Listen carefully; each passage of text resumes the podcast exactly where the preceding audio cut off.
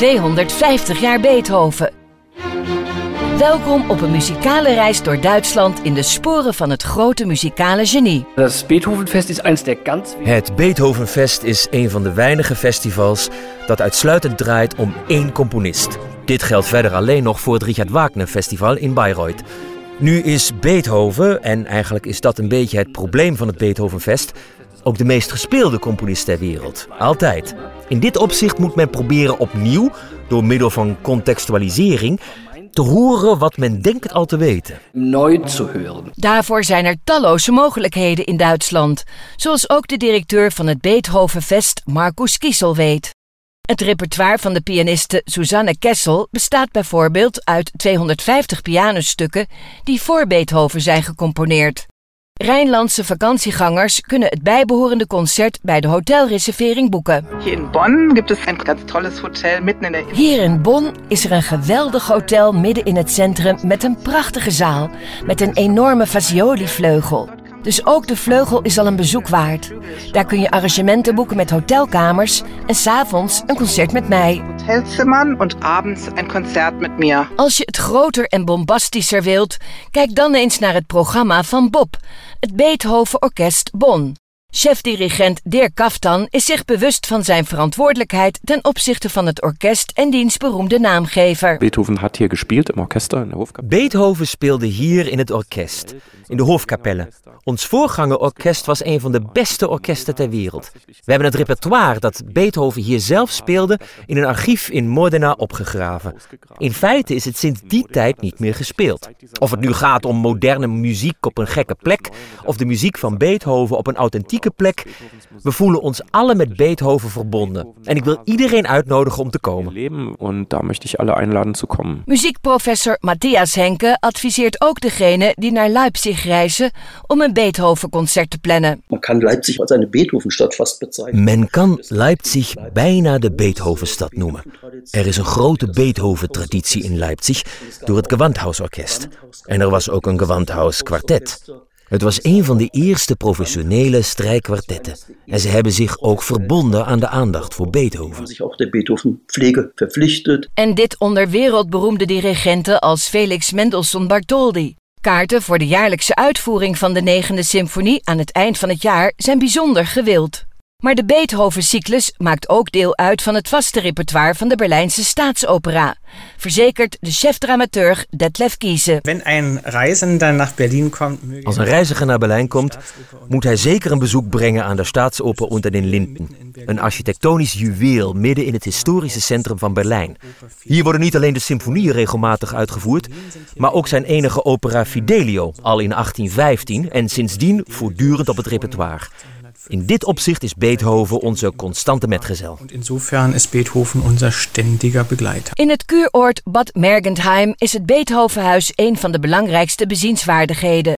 Maar als u geïnteresseerd bent in de muziek van de grote componist, heeft de stadswoordvoerder Karsten Muller een speciale tip voor u. Dann empfehlen wir, dass Sie das gegen Dan raden wij u aan om het residentieslot aan de overkant te bezoeken. Want daar kunt u naar de kapitelzaal gaan, waar Beethoven ooit muziek heeft gespeeld. Er is een luisterstation waar je bijvoorbeeld naar Beethovens Ritterballet kunt luisteren. Een van zijn tamelijk onbekende werken. En je kunt het thema een beetje nasporen. Elk jaar in september is het Beethovenfest, dat om precies te zijn al in 1845 door Frans Liszt voor het eerst werd georganiseerd. Een feest van zowel het bekende als het onbekende. Zo'n 70 concerten in drie weken. Overal Beethoven-vlaggen en aan het eind allemaal samen de Ode aan die Freude zingen.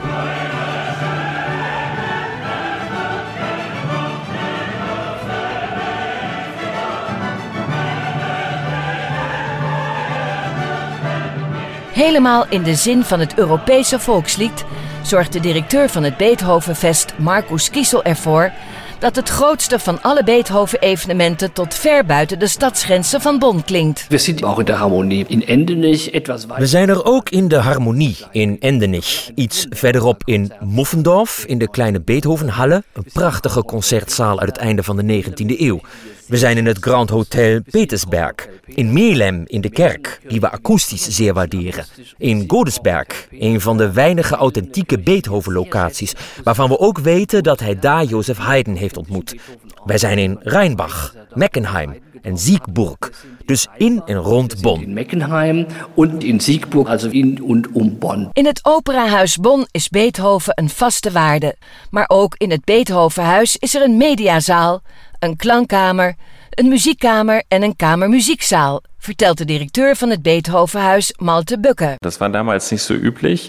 Dat is In die tijd was het niet gebruikelijk om kamermuziek in het openbaar uit te voeren. En daarom werd het eerste kamermuziekfestival ter wereld gehouden in het Beethovenhuis in Bonn. Deze traditie houden we nog steeds in stand. We hebben hier een zeer intieme, artistiek vormgegeven kamermuziekzaal waar we steeds opnieuw de kamermuziek van Beethoven in de vorm van festivals huldigen. Van, van festivals, de kamermuziek Beethovens feiern. Soms zijn zelfs stukken op Beethovens eigen instrumenten te horen, onthult museumdirecteur Dr. Nicole Kemken. We hebben vier strijkkwartetinstrumenten uit de Berliner Sammlung. We hebben vier strijkkwartinstrumenten uit de Berlijnse collectie. We hadden hier een klein voorconcert. Voor het hoofdconcert in Berlijn worden de instrumenten daar naartoe getransporteerd. Ik heb zelf Beethovens viool naar Londen gebracht. Er zijn ook enkele cd-opnames van op de instrumenten gespeelde werken en natuurlijk van onze fortepiano's. Ook op de instrumenten. En natuurlijk ook op onze hammervlügeln gibt es Einspielungen. De muziek van de grote natuurliefhebber Beethoven klinkt natuurlijk bijzonder authentiek in de open lucht.